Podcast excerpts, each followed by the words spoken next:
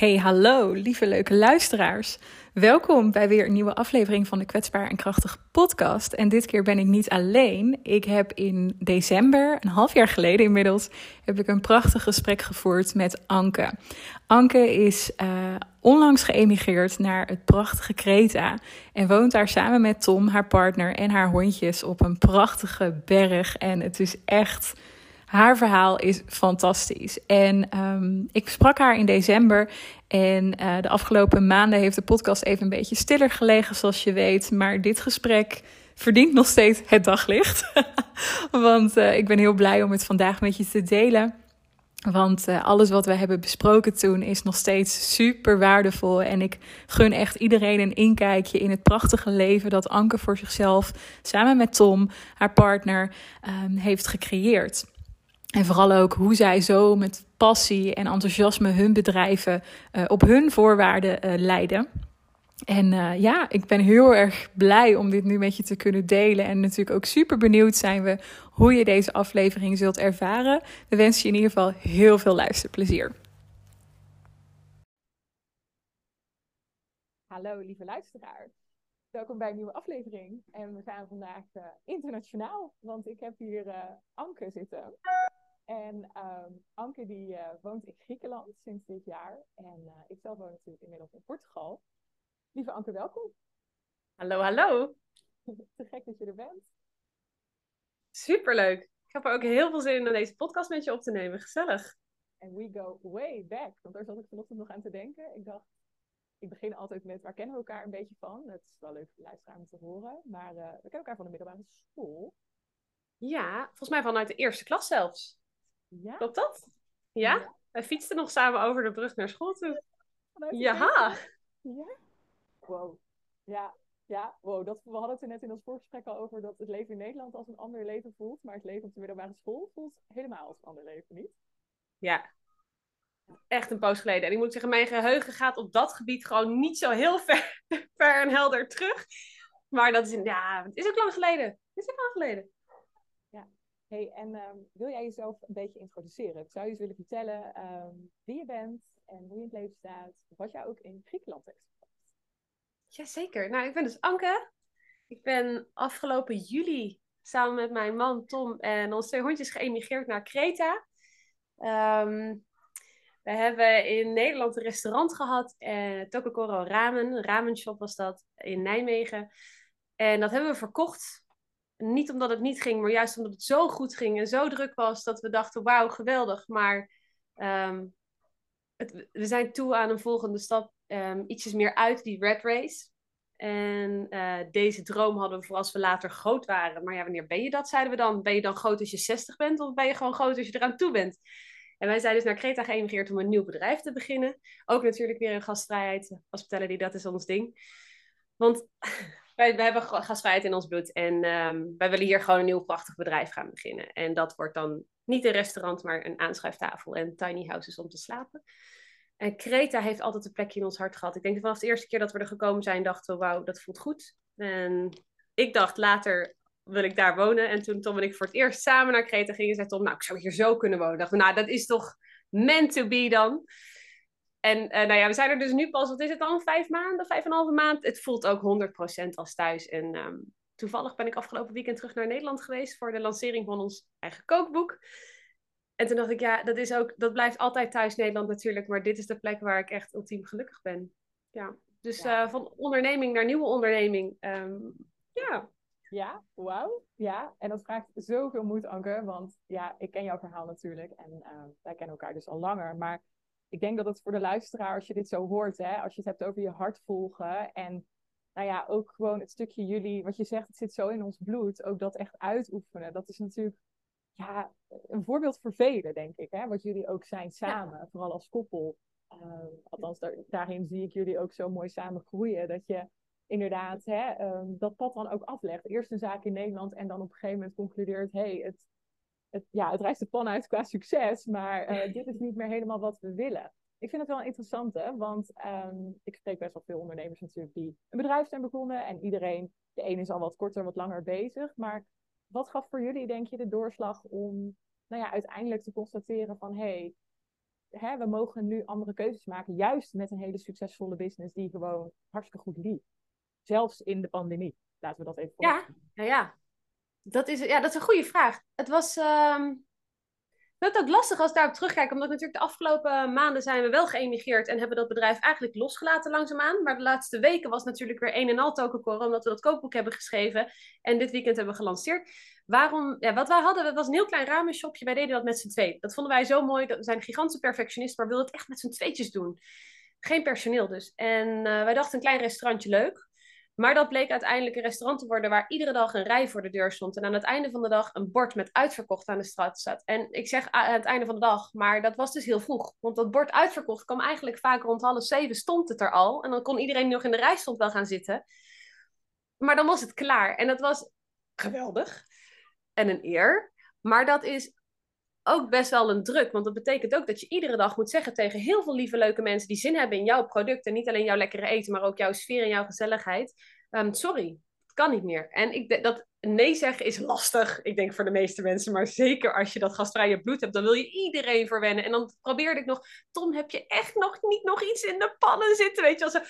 Nou, het is niet dat we maar het was dus zo'n succes. Het is dus niet dat we gegaan zijn omdat het nee zeggen te moeilijk was. Maar wel omdat je dacht, wauw, je wordt daardoor zo geleefd. Um, weet je, je bent een eigen bedrijf begonnen om je eigen keuzes te maken en je eigen ding te doen. En dat deden we ook 100%. Want niet voor niets staat er op ons kookboek recepten van een eigenwijs restaurant. We waren echt heel eigenwijs. We deden precies zoals wij het wilden. Maar op een gegeven moment merk je dat je toch geleefd wordt door die vraag. Want je hebt die openingstijden, je hebt de pannensoep, zo vol ze zijn. Als ze leeg zijn, is het... Nou, weet je. Je merkte dat, je, dat, dat op een gegeven moment leeft het jou. En ik denk dat uiteindelijk de bedoeling toch is dat je je eigen leven leeft. En dat dat niet gevormd wordt, in mijn geval door een baas. Maar ook niet door allerlei aspecten van buitenaf. En dat gebeurde wel. Plus dat wij, denk ik, ook gewoon eerlijk um, nu wel hebben kunnen constateren dat we misschien niet een hele grote spanningsboog hebben. Want het was geweldig. En we hadden altijd gedacht dat we deze toko voor nou 5 à 10 jaar zouden doen. Niet super lang, maar wel een paar jaar. Uh, en dat bleek dus na drie jaar eigenlijk goed geweest te zijn. En um, ja, dus waarom zijn we gegaan? Niet omdat het niet meer leuk was, niet omdat het te rustig of te druk was, maar wel omdat je dacht, hé, hey, ik merk dat ik niet meer per se mijn eigen keuzes maak, maar dat je toch wordt overgenomen, op wordt geslokt door dat ritme en de vraag die er is en dat je daaraan tegemoet komt in plaats van dat je op dat moment je eigen keuzes maakt. Ja, wow. ja zo ja. prachtig, hè? want dat realisatieproces, ik vind het heel mooi hoe je daarover vertelt, van hè, dat we gingen ondernemen en dat we voor onszelf zouden beginnen, dat was gewoon, dat was niet eens de vraag, maar dat deden we, nee. want dat past bij ons. Maar ja. dat je eigenlijk constateerde van hé, hey, we hebben zoiets moois opgebouwd wat onwijs goed loopt. Hè? En ja, ik ben ook heel lang uh, heel veel bij jullie geweest en heel veel besteld ook in uh, ja, corona-tijden. En ik weet ook nog inderdaad dat die charme die jullie natuurlijk gewoon zelf al hebben, maar ook met de liefde voor de producten. Ja, ik kan me heel goed voorstellen wat je zegt, dat dat op een gegeven moment hè, ook een keerzijde dus letterlijk heeft. En niet zozeer in we vinden niet meer leuk wat we doen, maar wat jij noemt, we worden geleefd. Hè? Ja. Um, en dat is nou net niet jullie uitgangspunt en waar jullie voor staan nee. ook.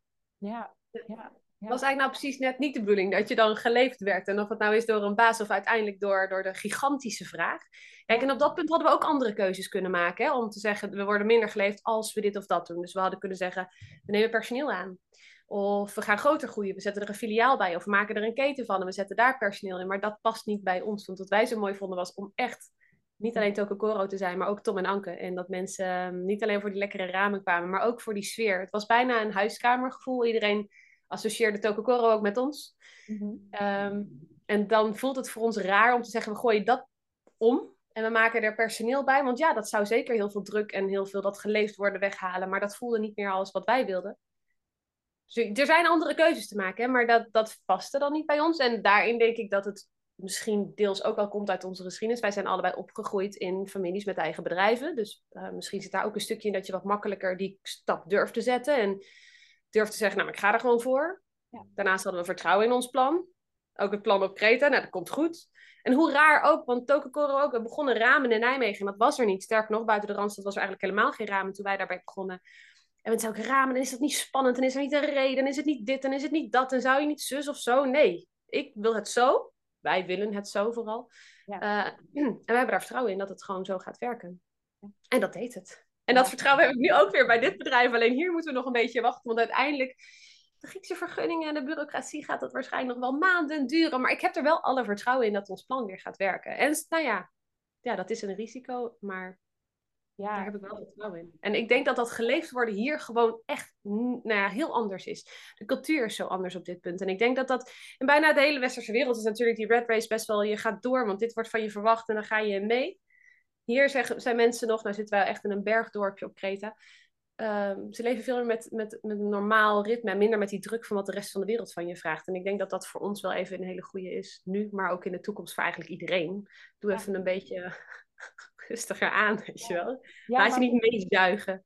Nee, maar hoe mooi om te zien. Hè? Kijk, voor jullie, ik vind het zo mooi hoe jij altijd zo puur... Ja, ik vind je natuurlijk zo'n fantastisch mens, weet je. Maar ook hoe jij zo eigen kan vertellen over... Ja, maar voor ons, hè, als je even teruggaat naar wat je zei... Um, het bedrijf, we hebben het opgericht, het liep supergoed. We waren ook hartstikke gelukkig met de mensen die we mochten verwelkomen, de producten die we aanboden. Hè. Ramen was helemaal te gek. Eén groot succes. Maar inderdaad, op het moment dat we de keuze konden maken, we gaan dit uitbouwen. We gaan inderdaad mee met groter, bigger personeel. Allemaal opties. Maar je zegt heel mooi van wij besloten op dat moment terug te gaan naar waarom doen wij dit? Omdat we Tom en Anke zijn. En omdat wij inderdaad bepaalde knusheid ook willen aanbieden. Omdat dat nou eenmaal bij ons past. Maar precies dat, Anke, is denk ik heel interessant ook voor de luisteraar. Ehm, want ik denk dat als we op zo'n punt komen, hè, over het algemeen, dat als het gewoon super lekker loopt en je hebt dus inderdaad die keuze, dan kun je inderdaad twee kanten op. Hè? Je kunt het buiten jezelf weer gaan zoeken of groter willen maken. Er is niks mis met natuurlijk iets groter maken. Nee, helemaal niks mis mee, nee. Maar als dat de droom is, helemaal goed. Maar jij zegt, mooi, dat was het niet voor ons. Kun jij ons eens meenemen in hoe jullie, en ja, geen idee hoe, hoe, in hoeverre je daar iets over kan delen hoor, maar ehm, hoe blijf jij zo dicht bij jezelf daarin? Ook samen natuurlijk, maar hè, het, het, ziet er heel vanzelfsprekend uit. En misschien is dat ook wel, dat je ook zegt hè, van joh, wij komen ook uit uh, families waar ondernemen natuurlijk ook in ons bloed zit. Ehm, maar ik denk dat het niet zo heel vanzelfsprekend is dat mensen zo dicht bij zichzelf blijven. Nee, daar heb je denk ik ook wel gelijk in. Want wat, wat natuurlijk, we leven in een wereld waarin groter, meer, rijker ook wel uh, heel belangrijk en, uh, wordt gezien. En ook als, als bijna status wordt gezien. En heel eerlijk, de mensen om ons heen met eigen bedrijven, uiteindelijk willen die ook hun geld verdienen. En ook eigenlijk misschien wel groter of meer. Dus daarin zijn we. Uh, um, ik denk dat iedereen ons wel zei: wat geweldig dat je eigen bedrijf wil beginnen, wat tof. Maar op het moment dat, dat we gingen stoppen, hebben ook veel mensen gezegd: dat wil doen, want het loopt zo goed. En wat doe je? Je gooit het toch niet weg? En ja, en wat hebben we toen gedaan? Ja, het, klinkt, het klinkt een beetje, ja, ik weet eigenlijk niet zo goed hoe ik dat moet uitleggen. Wij, wij zijn er inderdaad dicht bij onszelf gebleven. Wij dachten, willen we dit dan nog zo? Nou ja, nee. Dus dan doen we het anders. En dat klinkt echt super stom. Maar ik kan me niet herinneren dat daar een heel erg lang proces aan vooraf is geweest. Maar wat daarin denk ik wel heel belangrijk is, is dat Tom en ik wel al inmiddels bijna 12,5 jaar een, een stel zijn dat samen inderdaad keuzes maakt. En dat je elkaar dus ook, je voelt je ook gesterkt door elkaar. Hè? Want hey, voel jij dat ook zo? Ja, dat voel ik ook zo. En hoe zie je dit dan voor je? En dan heb, heb je in ieder geval die sparringspartner. En omdat we merken dat we daarin heel erg op één lijn zitten, konden we die keuze denk ik ook maken. Want er was in ieder geval altijd één iemand die erachter stond, namelijk hè, de ander. En dat maakte denk ik voor ons ook wel een, een hoop uit. Sowieso heb mijn ouders, die vonden het geweldig dat we gingen emigreren. Superleuk, moet je doen, ja, stoer. Andere mensen vinden het ook moeilijk dat je gaat emigreren. Hè? Want jeetje, dan ga je verder weg wonen. En dat zit ook nog wat haken en ogen aan. Dus soms zeiden mensen ook, zou je dat wel doen? Maar misschien ook een klein beetje vanuit binnen. Ik wil jullie niet missen. Dat kan natuurlijk ook, hè? Ja, um, En daar is, ook niks, daar is ook niks op tegen. Maar dat gevoel had ik ook wel eens. Dus het was niet een keuze waar iedereen van zei, wow, moet je doen. Nee, er zijn heel veel mensen geweest die zeiden, oh mijn god, wat ga je doen? Gooi je dit goede bedrijf weg?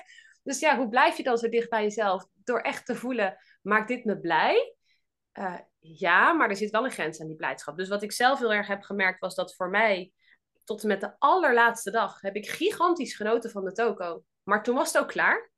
En als ik er nu aan terug, dan denk ik, oh nee, ik zou niet terug willen nu. Betekent niet dat ik het niet leuk meer had. Nee, want ik had het fantastisch. Maar nu is het klaar. En bij Tom was dat al iets eerder in gang gezet. Dus die had die laatste weken nog een beetje zo van, kom op, we moeten ze afmaken. Ja. En, dat, en uh, ook, kijk, heel eerlijk, het, het, is ook wel een hele... Um, ja, weet je, je weet het zelf ook als ondernemer. Je werkt nou niet bepaald 20 uur. Je werkt gewoon 80 uur per week um, en een volle bak.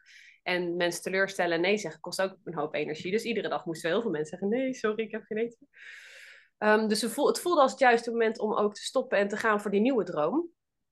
Maar dat, um, om nou te zeggen dat daar een heel proces uh, aan vooraf is gegaan, ik kan dat zelf niet meer herinneren, althans. Ik denk dat wij daar thuis vaak over hebben gesproken. En als dan degene met wie jij veel kunt sparren, op dezelfde lijn ligt, dan voelt dat minder als een zware keus. Ja. En goedkeuring van vrienden, familie, dat is, dat is voor heel veel mensen denk ik belangrijk. Maar op het moment dat je de goedkeuring van jezelf hebt en van je, van je lief, dan maakt het eigenlijk niet zo heel veel meer uit wat de rest daarvan vindt of zo. Dat, dat klinkt gek, maar dat, ja, voor mij is dat dan minder relevant. Nee, ik denk dat je iets heel belangrijks hier zegt. Hè? Want uh, dat is ook waarom ik jou sowieso heb gevraagd hier nu in deze podcast. Ik denk dat dat super belangrijk is. Dat je inderdaad zegt van hé, hey, de goedkeuring zochten we niet van buitenaf. In dit geval zijn we natuurlijk hè, uh, samen. Stel wat je zegt, we zijn al super lang samen. We zijn heel, heel, heel close en echt een team daarin. Hè? Teamwork makes the dream work. Ja, ja, zeker. Ja. En toen dacht ik, ja, dat is in jullie geval ook echt zo. Maar die goedkeuring van buitenaf is natuurlijk soms heel verleidelijk. Hè? En ook zeker wat je zegt, ja, ja, momenten dat je de keuze maakt om niet alleen je business hè, om te gooien en of nou, om te gooien, het stoppen met een bepaald concept en daarbij ook nog eens naar Griekenland te verhuizen, hè, um, dan krijg je die reacties. En inderdaad, mensen zullen ook vanuit hun eigen beleving natuurlijk reageren en vanuit hun eigen angsten, gevoelens. Um, maar hoe sterk en krachtig is het dat jij dan op dat moment zegt, ja, maar voor ons, we kijken niet alleen naar die goedkeuring van buitenaf, die doet er niet toe. Wij willen het voelen. Ja, kijk, en, en dat is ook dubbel, hè? Want goedkeuring van buitenaf, ik denk dat uiteindelijk ieder mens daar wel iets bij voelt. En dus je, eigen, je begint je eigen bedrijf en die, dat, dat, als het goed is, geef dat volledig vorm zoals jij dat deelt. Omdat je denkt dat je daar de meeste mensen mee kunt raken. Maar natuurlijk doet het er ook wat de andere kant van, of je onderneming of je keus daarvan vindt. Dus het, het, maakt wel uit, maar ik denk op het moment dat jij daarvoor kunt kiezen, dat je je niet meer laat sturen door mensen die daar iets anders van vinden. Maar dat je daarin zegt, nee, ik kan bij mezelf blijven, ik weet wat ik wil. En wat de wereld daar ook van vindt, het verandert mijn mening daarin niet. Ik denk dat je dan heb je te pakken. En ik denk dat wij dat redelijk dus misschien wat makkelijker kunnen, omdat we dezelfde mening hebben in heel veel dingen. En hetzelfde eh, gevoel daarbij van we willen de rest uh, gaan ontdekken. Maar ook omdat je dan die, nou ja, een deel van de goedkeuring ook niet meer ja, van de rest van familie of vrienden hoeft te hebben. Ja, en terwijl we het er zo over hebben, denk ik dat het misschien dan ook niet eens om die goedkeuring gaat, maar inderdaad veel meer over waardoor laat je je uiteindelijk leiden. Hè? Ja. Uh, want een bedrijf leiden, een leven leiden. Ik denk dat de luisteraar hè, uh, dit ook wel zal herkennen of je nou wel of geen bedrijf hebt. Maar um, überhaupt het leven. Hè, als je de keuzes maakt die voor jou goed voelen op dat moment. Dat kan natuurlijk ook continu een soort van veranderen. Maar als je jezelf die toestemming maar geeft. Van hé, hey, dit is waarom we het doen. En als je ook gaat ontdekken dat hoe meer jij bereid bent die keuzes te maken. Hè, vanuit hé, hey, dit is wat voor ons goed voelt. Of voor mij goed voelt. Dan, dan gaat het ook op die manier veel meer stromen. Omdat je dan in die beweging ja. mee zit. Met wat jij zelf fijn vindt. Hè? En dan gaat het leven ook voor je werken. Ja. Ja, nee, zeker, zeker. En uh, dat heeft misschien ook in eerste instantie een beetje met eigen wijsheid of koppigheid te maken. Dat je dat ook wat sneller in je leven durft. Ja, weet je. Ja. Ja. Als jij en ik denk dat uiteindelijk wat ik al zeg, ik denk dat bijna iedereen wel ergens een beetje uh, goedkeuring of bevestiging zoekt uh, in de wereld om heen. Maar op het moment dat je hem in jezelf kunt vinden. En ik denk dat dat bij eigenwijs en koppige mensen wat sneller is, misschien. Ja. Um, ja, dan kom je erachter wat, je echt, wat jij het beste doet, waar je het beste in bent, wat je, waar, je het meest, hè, waar je het meeste geluk en energie uithaalt. Um, ja, als je dat kunt vinden dan ben je best wel heel ver. Maar ja, en ik, ik zeg ook altijd, ik hoop dat zoveel mensen zeggen, oh, ik zou ook graag dit willen of dat willen. En die houden, eh, toch houdt iets te tegen. Waar ik vaak achter kom, is voor mijn gevoel dat het niet is wat mensen daarvan vinden. Maar de zekerheid opgeven. Ja, maar ik heb nou vaste inkomsten. Ik weet waar ik aan toe ben. Ik heb nu dit. En um, dat is een andere kant. Dat heb ik nog nooit zo belangrijk gevonden. Want ik weet dat wat ik ook ga doen, het komt wel goed. Ik vind daar wel uiteindelijk zekerheid in. Kijk, dat is ook makkelijk gezegd. Hè? Want ik heb natuurlijk al een business afgesloten die het fantastisch deed. Maar je kunt ook een keer op je bek gaan. Dat weet ik ook. Ja. Maar dat hoor ik van zoveel mensen. Dan denk ik de, de angst om zekerheden op te geven. Maar moet je nagaan, wil je een zeker leven of wil je een heel gelukkig leven? En dat vind ik wel een hele, uh, nou ja, best wel verdrietige. Dat zoveel mensen eigenlijk die zekerheid niet op durven geven. Dat ze het zo belangrijk vinden, die zekerheid te kunnen hebben. En wat is uiteindelijk zekerheid? Hè? Want, ja, heel eerlijk, je kunt ook je, je baan verliezen. Maar de, de, het idee dat er zoveel zekerheid is en daaraan vastklampen en dus daarom niet je dromen waarmaken. Want voor veel mensen loopt het ook wel zo. Kijk, daarom bedoel ik niet emigreren, dat wil iedereen dus. Nee, natuurlijk niet. Maar ja, veel mensen, oh, ik had best wel graag een winkeltje willen hebben. Of ik had best wel graag ook, uh, ja, ja, maar misschien moet je het doen. Maar of het wacht op dat perfecte moment, weet je wel? Ja, en dat, komt, dat, dat komt denk ik nooit. Dat moet je zelf creëren. En dan nog zal het niet perfect zijn. Maar als je het op dat ene moment gewoon doet en je gaat ervoor, dan maak je er misschien wel het perfecte van. Precies. Maar, maar wachten tot alles buiten jou? Nee. Nee, en dat gaat nooit zo zijn. Hè? En dit is natuurlijk ook wat, wat, wat inherent is en wat ik ook bij veel ondernemers wel zie, is dat op het moment dat je bereid bent, kijk, risico nemen in het leven aan zich, of je nou wel of geen bedrijf hebt, um, ja ik denk als jij voor jezelf nagaat, inderdaad, kom je vanuit angst of kom je uit van liefde? En welk ja. is je uitgangspunt? Want tuurlijk, ehm, dingen kunnen mislukken. Dat kan altijd, weet je? Ja. Maar wat stel je voorop daarin? Hè? Ik denk als we allemaal, ja, dan zou de wereld er zoveel fijner uitzien, überhaupt. Als we natuurlijk onszelf zouden toestaan om af en toe die sprong in het diepe dan maar te nemen, inderdaad. Als dat is waar jouw hart altijd al van overloopt. Van, oh, ik zou inderdaad ooit in het buitenland, of ik zou meer willen reizen, of ik zou, weet ik veel, wat het ook is wat je wil. Maar ben je inderdaad bereid om daarin te bewegen, wetende dat je inderdaad, ja, wat is uiteindelijk zekerheid? Want als jij zekerheid hebt inderdaad met een baan en nou, je weet gewoon van maandag tot vrijdag heb ik mijn werk en uh, ik heb mijn huis, ik heb mijn gezin en er komt standaard geld binnen. En ondertussen zit je iedere avond een beetje voor die tv en denk je, nou, is dit het nou helemaal? Ja. Is het? Ja. Ja, ik denk dat heel veel mensen dat hebben, Anke, heel eerlijk gezegd. Maar mij zitten er ook wel twee dingen aan. Inderdaad, wat, wat, wat als het niet lukt? Hè? Wat is het ergste geval? Ja, wat als het niet lukt? En dan zegt Tom eigenlijk altijd daarop, wat als het wel lukt? Ja, precies. Ja, ja weet je, dus ik denk dat ik er zijn twee uitkomsten. Altijd. En um, ja, ik denk dat dat wel een hele bijzondere is ook. Maar ook waar we het natuurlijk in een vorig gesprek ook over hebben gehad. Um, als jij doet waar jij blij van wordt, waar jouw energie van gaat stromen, waar jij van denkt, dit is het, dan raak je daar sowieso heel veel mensen mee. En ga je, denk ik, per definitie een succes worden. En dat betekent niet vanaf dag één dat je de keus maakt. Maar ik ben, ben ervan overtuigd dat als jij doet waar jij goed in bent, waar jij blij van wordt, dat, dat het dus een succes wordt. Maar dat is het, hè? Daarnaar durven luisteren. En oh, ik denk dat ja? we heel belangrijk Ja, ik denk dat we iets heel belangrijks hiermee aanraken. Want op het moment dat je jezelf in ieder geval waar je ook staat in je leven of je business, dat je jezelf die ruimte geeft om iedere keer weer te mogen voelen. Want daar begint het natuurlijk mee, hè? Uit dat hoofd, uit die ratrace, uit die, die, die, ja, die, die continue run van meer, meer, meer, sneller, sneller, sneller. Wat natuurlijk in Nederland, wat wij allebei hebben ervaren, op een gegeven moment gewoon voor ons niet meer werkte. Ehm, maar dat je dan inderdaad beseft van, hé, hey, als ik maar doe wat in, in de kern mij blij maakt, dan zullen daar de juiste dingen voor op mijn pad komen. En of dat nou inderdaad klanten zijn, of een plek waar je wil wonen, een relatie die je aan wilt trekken. Ehm, het komt dan op je pad. En dat betekent niet allemaal op datzelfde moment, huppakee, meteen als je die keuze maakt. Maar ik denk dat je dan dus ook aantrekt wat, wat jij daarvoor nodig hebt. Ja. Ehm, en dat klinkt misschien een beetje vaag, maar ik denk wel dat het zo werkt. Ja, nou ja. Dat je daarmee het juist aantrekt. Ja. ja, en dat heeft dus uiteindelijk ook te maken um, met of je daar ja, ik noem het leiderschap, maar ownership over durft te nemen. En dat is denk ik waar heel veel mensen zichzelf nog onnodig klein houden. En dus inderdaad, wat jij zei, die schijnveiligheid eigenlijk, hè? die zekerheid, die zogenaamde zekerheid. Want ja, ik, ik, denk dat je leven er gewoon heel anders uitziet als je je daar door laat leiden.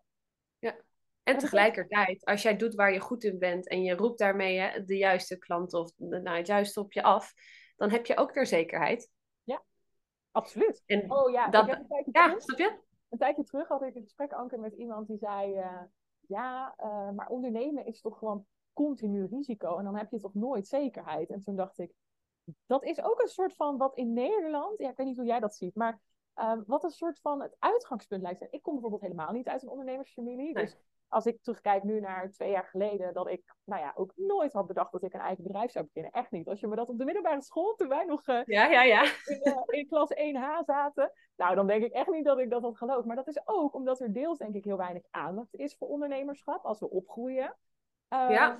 Hè, dat, dat dat überhaupt ja. niet is. Want er wordt gewoon gezegd, nou je gaat uh, dit doen, je gaat studeren, je gaat een baan nemen en je gaat carrière maken. Dat is ongeveer het ja. beide pad, zogenaamd.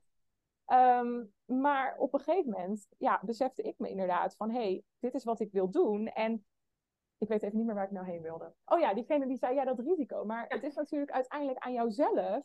Wat is ook voor jou risico? Hè? Um, als ik kijk naar hoe ik mijn bedrijf op een gegeven moment heb ingericht... ook al was ik toen net een snotneusje wat zeg maar net begon... en dacht, nou, ik voel dat ik dit moet je ook beginnen. Ja, dus ik ga dit doen. Weet je, toen had ik denk ik op een gegeven moment echt al... Ik krijg dat ook wel vaak terug, in mijn eerste jaar meer zekerheid dan ik die jaren daarvoor had gehad. Toen ik in mijn burn-out zat en mezelf over de kop werkte. En um, nou ja, vaker huilend op de bank zat thuis na mijn werkdag dan dat ik deed toen ik ging ondernemen. En tuurlijk, uh, niet vanaf dag één komt het geld met bakken binnen over het algemeen. Nee. Maar er zijn natuurlijk zoveel manieren om voor jezelf stevigheid te creëren daarin. Nou, precies. En, ik, en dan is het nog maar de vraag: eh, vind je dat uh, zo belangrijk dat je daar inderdaad zulke drastische keuzes voor zou maken als niet je dromen najagen? Wat is het uh, Maar dat je creëert je eigen zekerheid ook. En ik moet ook wel zeggen, ik snap het er. Het is niet heus niet alleen als jij uit een ondernemersgezin komt dat het super veel makkelijker is. En andersom ook niet. Dat als je niet uit een ondernemersgezin komt, dat het te nee. spannend is. Natuurlijk niet. Maar ik denk wel dat daar een stukje in zit. Dat je ook gewoon het vertrouwen hebt. Um, is het niet nu dan wel morgen? Ja. Maar ja, ik blijf erbij dat als jij denkt, dit, dit, dit is het, dan komt het ook. Ja. Uh, nou, en, ja, en, en dan nog het stukje erbij van, oh, is dat niet spannend? Is dat niet risico? Is dat niet een hoop geld uitgeven? Nee, dat heet investeren. Weet je, ja. Uh, en uh, nee, dat komt zeker terug, want daar heb ik vertrouwen in. Ja, zo komt het ook altijd terug. Dus ja, en, en het moet wel in je zitten, ondernemerschap, denk ik. En, en zulke stappen durven nemen, zulke risico's durven te nemen. Maar ik moet heel eerlijk zeggen dat voor mij nog nooit heeft gevoeld als een risico. Nee. Maar als een stap. Voor mij ook, ja, eens. En ook vooral welk leven wil jij dus hier leiden? Hè? Want kijk, of je het nou giet in ondernemen, ik geloof ook dat je een heel fantastisch leven kunt leiden als je niet een eigen bedrijf hebt. Ja, Laten we dat ook zeker. even helpen. Want soms op uh, de Instagram-bubbel lijkt het zo alsof het uh, ondernemen inderdaad de, de heilige kraal is. Dat is denk ik ook niet waar, want ik ben met jou eens. Nee. Iedereen is ook een ondernemer. Um, hè, maar ik denk dat het in die end er wel over gaat. Ben jij bereid inderdaad dat wat jou gelukkig maakt, om dat ook gewoon te gaan doen hier, terwijl ja, je hier rondloopt. Precies. Ja. ja, los van ondernemen nog. En ik denk voor, voor sommige mensen zijn, zijn nou, dat soort stappen inderdaad worden wel gezien als, als een risico of als iets spannends. Ja, maar dat is denk ik ook al collectief dus, omdat dat wordt ja. gezegd.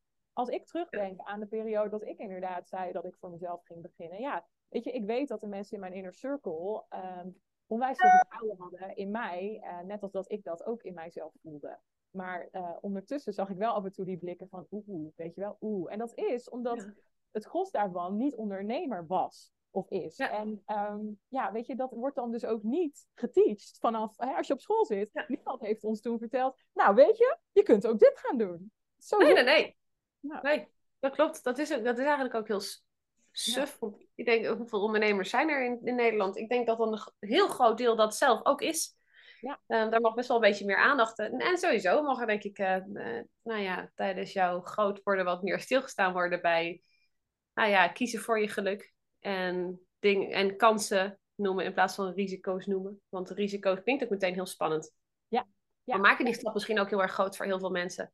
Ja. Um, maar goed, dat is nou helemaal het systeem waar je ook dan in zit. En dat merk je ook. En ik denk dat het dus niet zonder reden is dat wij daaruit zijn gestapt. Nee, nee. ja. Laten we het daar eens over hebben. ja.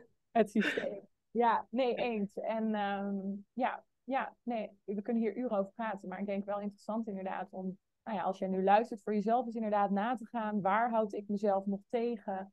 Um, als het aankomt op dat wat ik echt, echt graag wil doen. Um, vraag die ik voor jou heb, Anke. Echt wel. Het is natuurlijk niet voor niks kwetsbaar en krachtig podcast. En ik vraag aan ja. al mijn uh, gasten, wat is kwetsbaarheid volgens jou? Ja, dat vind ik wel een hele interessante. Ik denk dat voor mij kwetsbaarheid betekent dat je in het geval van ondernemerschap, die pak ik er dan wel weer bij, um, je begint je onderneming en je gaat dat vanuit je hart doen. Je legt heel je ziel en zaligheid erin en daarmee geef je eigenlijk alles dat jij in je hebt bloot aan de rest van de wereld. En dat doe je omdat jij denkt, dit, dit is het. Dit gaat men fantastisch vinden.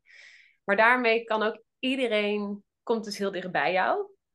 En mensen zeggen zo makkelijk van alles. Dus dat je, je bent in die zin, stel je heel kwetsbaar op dat jij alles wat je in je hebt blootgeeft aan de rest van de wereld. En ik denk, wij hebben niet vaak gehad hoor, dat iemand er echt, dat het helemaal uh, shit vond. Maar je geeft het wel open. Dus op het moment dat iemand iets vindt van dat wat jij neerzet, dan vinden ze eigenlijk direct iets van, van jou. Want dat zoals ik doe, uh, daar sta ik 100% achter. En ik denk dat dat misschien het kwetsbaarste voor mij is binnen een bedrijf.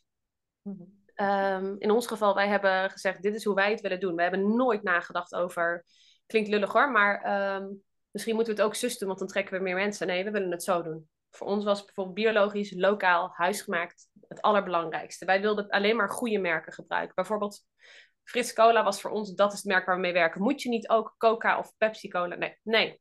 Wij willen het zo doen. Maar mensen, um, soms niet eens bedoeld als, als kritiek of, of wat dan ook, vinden daar dan wat van. Want uiteindelijk vinden we met z'n allen veel te veel. Soms kun je ook gewoon iets alleen maar denken, of misschien niet eens denken, maar je hoeft het zeker niet altijd te spreken. Maar um, dan komt het al best wel gauw bij je terug. En, en dat, dat, ik denk dat het de kunst is om dat je niet te laten raken. En op het moment dat jij weet, ik doe het zo, want dit is voor mij de manier, dan kunnen mensen daar heel veel van zeggen zonder dat het jou pijn doet. En uh, heel eerlijk, dat gaat bijna altijd goed. Maar als jij een keertje moe bent, dan raakt het je wel. En dan raakt het jou direct, want je hebt iets neergezet waarvan jij denkt, dit is het. Dit wil ik vanuit de kern van mij zo doen.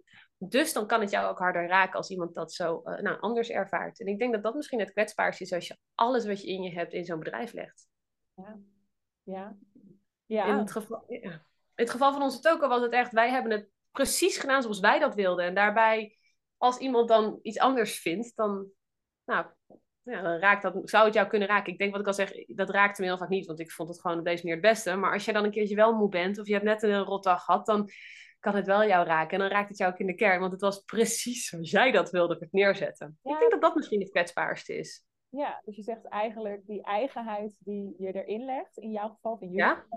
Die maakt inderdaad dat we ook geraakt kunnen worden als daar reactie Ja, er zit, geen, er zit geen schuttingje tussen, weet je wel. Het is gewoon helemaal 100% uh, open. En dat is natuurlijk voor iedere onderneming anders. Maar omdat voor ons het bij uh, het restaurant zo belangrijk was dat wat wij deden, dat, dat wij daar stonden, dat alles dan raakt het ook niet het bedrijf, want het bedrijf is.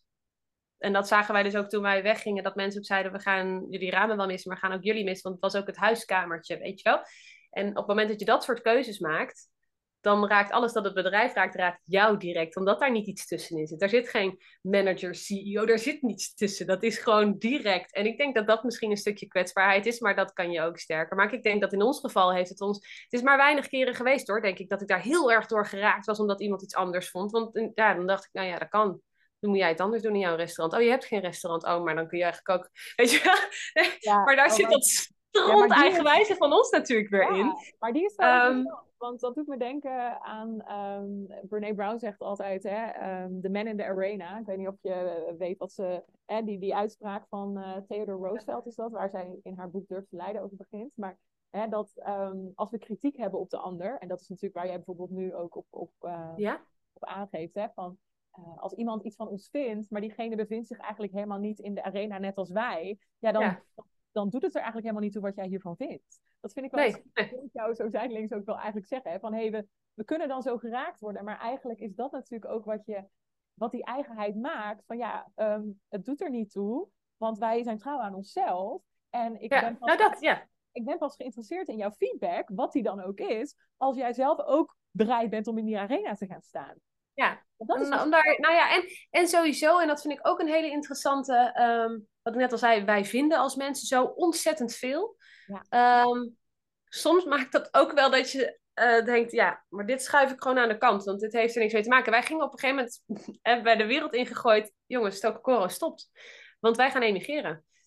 En sommige mensen die niet in staat waren om buiten zichzelf ook maar uh, te denken of te voelen, zeiden, Jezus, wat stom. En dan denk ik, ja, jammer. Bedoel je, bedoel je ermee te zeggen dat je het jammer vindt dat jij geen raam meer hebt? Of weet je wel?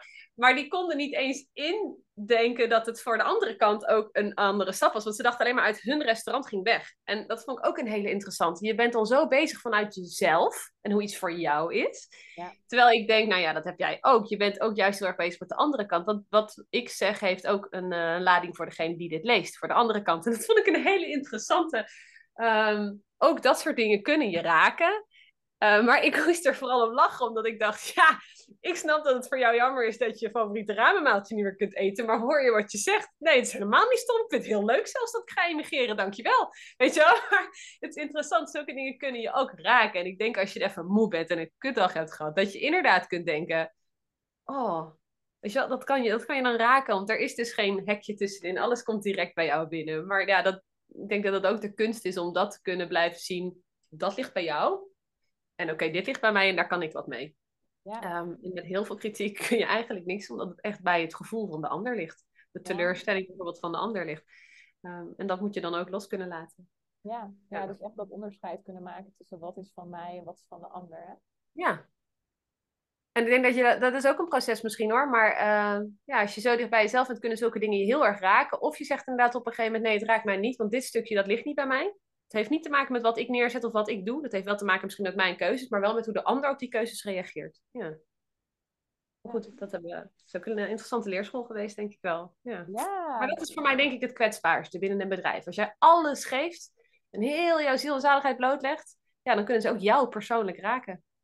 Ik denk voor heel veel mensen is het lekker om een bubbeltje te hebben of iemand om achter te schuilen. Nee, maar ja, dat moet van de baas. Maar als je dat niet hebt, ja, dan moet het van jezelf, weet je wel. Ja, en Hoe, hoe reageer je daar dan op? Uh, maar ja, dat, dat, ik denk, nou, voor mij is denk ik dat kwetsbaarheid binnen een bedrijf. Ja. En persoonlijk. Maar goed, dat is wel binnen, ja. ja. Mhm. En voor jou persoonlijk als mens, als Anke? Kwetsbaar voor mij. Uh, ja, misschien ook wel dat, nou ja, hetzelfde wel. Ik ben zo'n een gigantische flap uit. Uh, ik heb nooit een filter, had ik dat af en toe maar, maar dus hetzelfde. Um, soms maak je een grapje of zeg je iets en dan denk je inderdaad, oh, uh, wat, wat, hoe, hoe men dat ervaart. En, en uh, ik denk dat voor mij misschien daar het grootste stuk kwetsbaarheid ligt. Dat je jezelf zo open geeft. Want zoals ik in mijn bedrijf ben zo lopen, zo ben ik ook zelf gigantisch open. Voor mij zit er ook niet iets als een, um, maatschappelijk verantwoord antwoord. Mijn antwoord is gewoon zoals, zoals ik het vind. Ik ben altijd heel eerlijk en open. Ik vind het ook fijn als de wereld dat met mij is. Ik heb liever een hard antwoord in mijn gezicht dat waar is, dan een zacht antwoord wat, uh, daar hou ik helemaal niet van. En ik denk misschien dat dat ook een soort van kwetsbaarheid is, omdat ik daar moeilijker op kan reageren, bij zo'n spreken. Mm en dat je zelf wel heel erg open en eerlijk en bij je gevoel blijft. Als een ander dat dan niet doet, dan voelt het als een heel kwetsbaar iets dat jij dat wel altijd doet. En dat je daar ook dan als het ware op gepakt, ja, gepakt kunt worden, maar dat je, ja. ja. Oh nee, maar ik herken wel echt wat je zegt. Want dat heeft natuurlijk dan te maken met het stukje, hè, en, en daarin vinden wij elkaar denk ik ook. Daar hadden we het in het voorgesprek ook over, die, hè, gewoon die openheid en die transparantie. En dat dat ook zo vanzelfsprekend voelt. Maar dat je dat ergens dus ook, en daar hoor ik ook wat je zegt, dat dat ook weer kwetsbaar voelt. En dat herken ik nogmaals, dat de ander niet altijd per se ook zo is als jij bent. Ja, en dat is mooi, daarom zijn we allemaal anders. Maar ik vind dat zelf een lastig iets. Mhm. Ik denk, je kunt beter de waarheid zeggen, ook al is die misschien uh, lastig voor een ander, of, of, weet je wel, nou ja, dan dat je er omheen gaat draaien en net niet zegt wat het is of hoe het voelt. Want een ander voelt ook wel dat dat niet helemaal kosher is, dan maar je kunt er niks mee. En uh, als je dat zelf dus altijd wel doet, dan kan het best wel eens lastig zijn, denk ik, als een ander dan ehm, daarbij uh, wel gaat draaien komt en eromheen draaien. En dat geeft ook een soort van kwetsbaarheid ook. Voor vind ik als persoon. Maar goed, daar heb ik het wel eens vaker over. Een klein beetje autisme zit wel in mij. Misschien een beetje meer dan een beetje ook wel. Maar, ja, maar dan, dan ervaar je zulke dingen ook wel. Ja, want dat geeft wel een uh, bepaalde vorm van kwetsbaarheid. Als je zelf dat niet uitzet of afsluit. En een ander doet dat wel. Dan loop jij tegen die blokkade aan, terwijl die blokkade er bij jou helemaal niet is. Dat een ander kan jou wel makkelijker raken. Ja. Terwijl de, de ander wel dat, die blokkade opzet, waardoor je die ander misschien dan niet op diezelfde manier kunt raken. Positief en negatief, hè? Ja, maar ook wel wat je zegt, hè, dat herken ik ook. Van, ja, kom maar, weet je, ik kan dit wel hebben. En dat is denk ik ook wel weer wat, als we het hebben naar collectief, maatschappelijk, dat we inderdaad, enerzijds zei je net ook zo mooi van, we vinden overal wat van, maar tegelijkertijd komen we misschien ook wel, ik weet niet hoe dat in Griekenland is en hoe dat hier in Portugal dan zal zijn, maar Um, we komen natuurlijk uit een Nederlandse cultuur waarvan we inderdaad heel veel vinden en tegelijkertijd ook niet altijd alles zeggen wat er, nee, nee, nee. wordt. Ja. Heb je gelijk in, ja. ja. Nee, en, dat, en daarin denk ik inderdaad wel, dat mag voor mij wel wat opener. Ja. Uh, je mag ook soms wel dingen zeggen. Uh, weet je, ik heb liever dat je tegen mij dan iets negatiefs zou zeggen, dan dat je tegen de buurvrouw zegt en vervolgens met de buurman er ook nog even over praat. Bewijzen van. Ja, weet je, en dat is inderdaad wel een stukje Nederlandse cultuur. Daar kan ik echt nog niks over zeggen hier. Maar ja, dat is wel een stukje Nederlandse cultuur. Heb je wel gelijk in. Ja. Sommige mensen zeggen heel veel dat je denkt, nou, ja, sommige dingen kun je voor jezelf houden. Maar er zijn inderdaad ook wel heel vaak mensen die het dan niet zeggen en wel tegen allemaal andere mensen vertellen of leuren misschien. Ja, in die interactie gebeurt dan een hele hoop, hè, eigenlijk. Ja. ja. Mooi. Hey, en als het. Um, we gaan ik kijk even naar de tijd en ik, uh, ik, ja, we kunnen hier nog uren over praten natuurlijk. maar als we even kijken naar um, overal, hè, als we nu ook naar ons gesprek kijken, maar ook naar hoe wij beiden in het leven staan als er iets is um, wat jij de luisteraar uh, mee zou willen geven als het gaat over jouw kijk, jouw visie op, uh, op het leven. En ja, dit is een grote vraag, maar welke boodschap zou je men dan graag vanuit jou, vanuit Anke, en misschien ook een beetje als ondernemer, maar vooral vanuit jou mee willen geven? Ik denk dat dat is waar ik de laatste tijd juist wel best wel veel mee bezig ben geweest. Omdat we natuurlijk de grote keuze hebben gemaakt om te gaan emigreren. En dat heel veel mensen daar vragen over hadden of iets van vonden. Dus al dan niet met bedrijf. We hebben op dat moment gezegd, wij volgen ons hart. En uh, wij voelen dat het daar goed zit. En dat het daar stroomt. En dat mijn voeten hier steviger op de grond staan. En dat dit de plek is waar ik wil zijn. Waar ik hoort te zijn. Um, en op het moment dat, ik, dat mensen dan vragen, hè, wat was nou een goede les. Ik zou zeggen, ga altijd op dat eigen gevoel af. Ga, ga eens echt weer terug naar binnen. Waar word jij blij van? Waar voel je je goed bij? Of dat gaat om ondernemerschap of inderdaad wat meer rust voor jezelf pakken of wat dan ook. Maar ga, ga, doe dat. En ga niet te veel beren op de weg zien, maar, maar Maar ga ervoor. En ehm, ons nieuwe bedrijf gaat Keros Kriti heten, wat eigenlijk betekent het, het perfecte moment grijpen. En of dat gaat om, hè, wat we al zeiden, er is niet per se een perfect moment, maar er is wel een moment waarop je het gewoon moet doen en dan ga je het waarmaken. En of dat nou is om een onderneming of om ehm, nou, misschien een mooier leven, gelukkiger leven, grijp dat moment, pak het en ga het, ga het gewoon doen. En ga niet te, ga niet te veel zit, nou ja, verzanden in maar als, wat als. Want zo werkt het leven gewoon niet. Er zit in die zin tekort voor. Ga gewoon eens doen. Wat kan er gebeuren? Ja, maar wat als het wel lukt? En dat gaat, pak dat er eens gewoon bij. En doe dat met heel je leven. Ga, ja, dat is voor mij denk ik een hele ja, belangrijke les. Ik denk dat ik hem al aardig wat jaren zo pak. Maar dat er heel veel mensen, ook, ook in mijn nabije omgeving zijn, van ik, oh, doe het. Ja. Doe het dan. Ja. Ga ervoor. ja. ja, fantastisch. En, en ja, ik, ik denk alleen maar dat het door te doen, doordat je zelf het belichaamt, en dat doe jij, dat doen jullie, ja. Eh, dat je een voorbeeld bent echt voor heel velen. Echt. Nou, ik hoop wel daar mensen mee te kunnen inspireren. En niet, uh, want dat beschrijf ik toevallig ook in ons boek, weet je. Wij zijn geen Elon Musk. Dat is gewoon, dat is het niet. We zijn niet met een gouden lepel grootgebracht.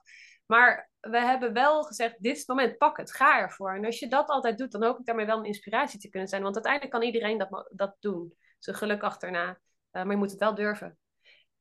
En ik, ik heb niet zoveel met angst. Doe het nou maar niet. Wees maar niet zo bang. Ga maar gewoon. Want, want wat als, als angst hoop kan worden, weet je wel? Als je nou eens gewoon hup, angst overboord en zet maar die zin op iets nieuws. En pak daar die hoop uit, want dat is veel krachtiger. Ja. Mega inspirerend. Mega inspirerend. Ja, dan, dat hoop ik echt dat iedereen dat gewoon doet. En wat ik al zeg, nee, weet je, het is altijd heel erg makkelijk praten als jij uh, altijd uh, supply aan geld hebt gehad. En uh, je kunt altijd maar door, door, door, want het is allemaal alles op je pad ging voor jou aan de kant. Dat is het niet. Dat is het voor mij ook niet. Nee moet het zelf doen. Dus dat is denk ik, dat, ja, iedereen kan dat. Ja, ja, ja. ja, mooi Anke. Ik ga je bedanken voor dit prachtige gesprek. En ehm, ik ben wel even benieuwd, en de luisteraar vast ook, want jullie hebben natuurlijk... Hè, het zijn een soort van twee avonturen die nu nog een tijdje parallel hebben gelopen. Ja. En met het boek natuurlijk nog steeds. Zou je de luisteraar willen vertellen waar ze jullie fantastische kookboek kunnen vinden en waar ze ook jullie nieuwe avonturen kunnen volgen? Ja, zeker. Uh, ik ben voornamelijk actief op Instagram. Ik merk dat ik het een heel fijn medium vind. De wereld wordt er een stuk kleiner van. Um, nou, Nathalie en ik, we, hebben, we spreken elkaar nou ja, dagelijks, terwijl we Portugal en Griekenland, weet je, ik vind dat een heel leuk medium. Daar zijn wij ook te vinden. Op Instagram hebben we Tokokoro Ramen. Dat is onze ramenshop die dus gesloten is, maar waar we nog wel actief zijn voor het kookboek. Wat dus net afgelopen maandag is verstuurd naar alle mensen die het hebben gekocht. En dat is super leuk. De eerste reacties komen dus nu de afgelopen twee, drie dagen binnen. Dat is echt geweldig. Ja. En op Instagram hebben we ook Keros Kriti rotnaam. Uh, maar daar zijn we te volgen voor ons Griekse avontuur. En ik moet heel eerlijk zeggen dat ik daar alle maandjes heel stil ben. Omdat ik alleen maar met het kookboek ben bezig geweest natuurlijk. Maar dat komt ook weer helemaal terug. Het is, daar laten we ons avontuur ook zien. De hele opbouw van het project. En uh, nou, zodra het af is, ook de rest. Ja, perfect. Ja, zo mooi hoe dat allemaal nu parallel naast elkaar loopt. Hè? En ja, ja, te gek. Zo mooi, zo inspirerend. Ja, tof. Nou, dankjewel, lieverd. En, ja, eh, jij ook ontzettend bedankt. Ik heb ervan genoten. Heel erg leuk. Fijn. En Fijn met je te kletsen. Wie weet doen we nog eens een vervolg. Ik heb stof genoeg. Dankjewel, lieve luisteraar. En tot de volgende.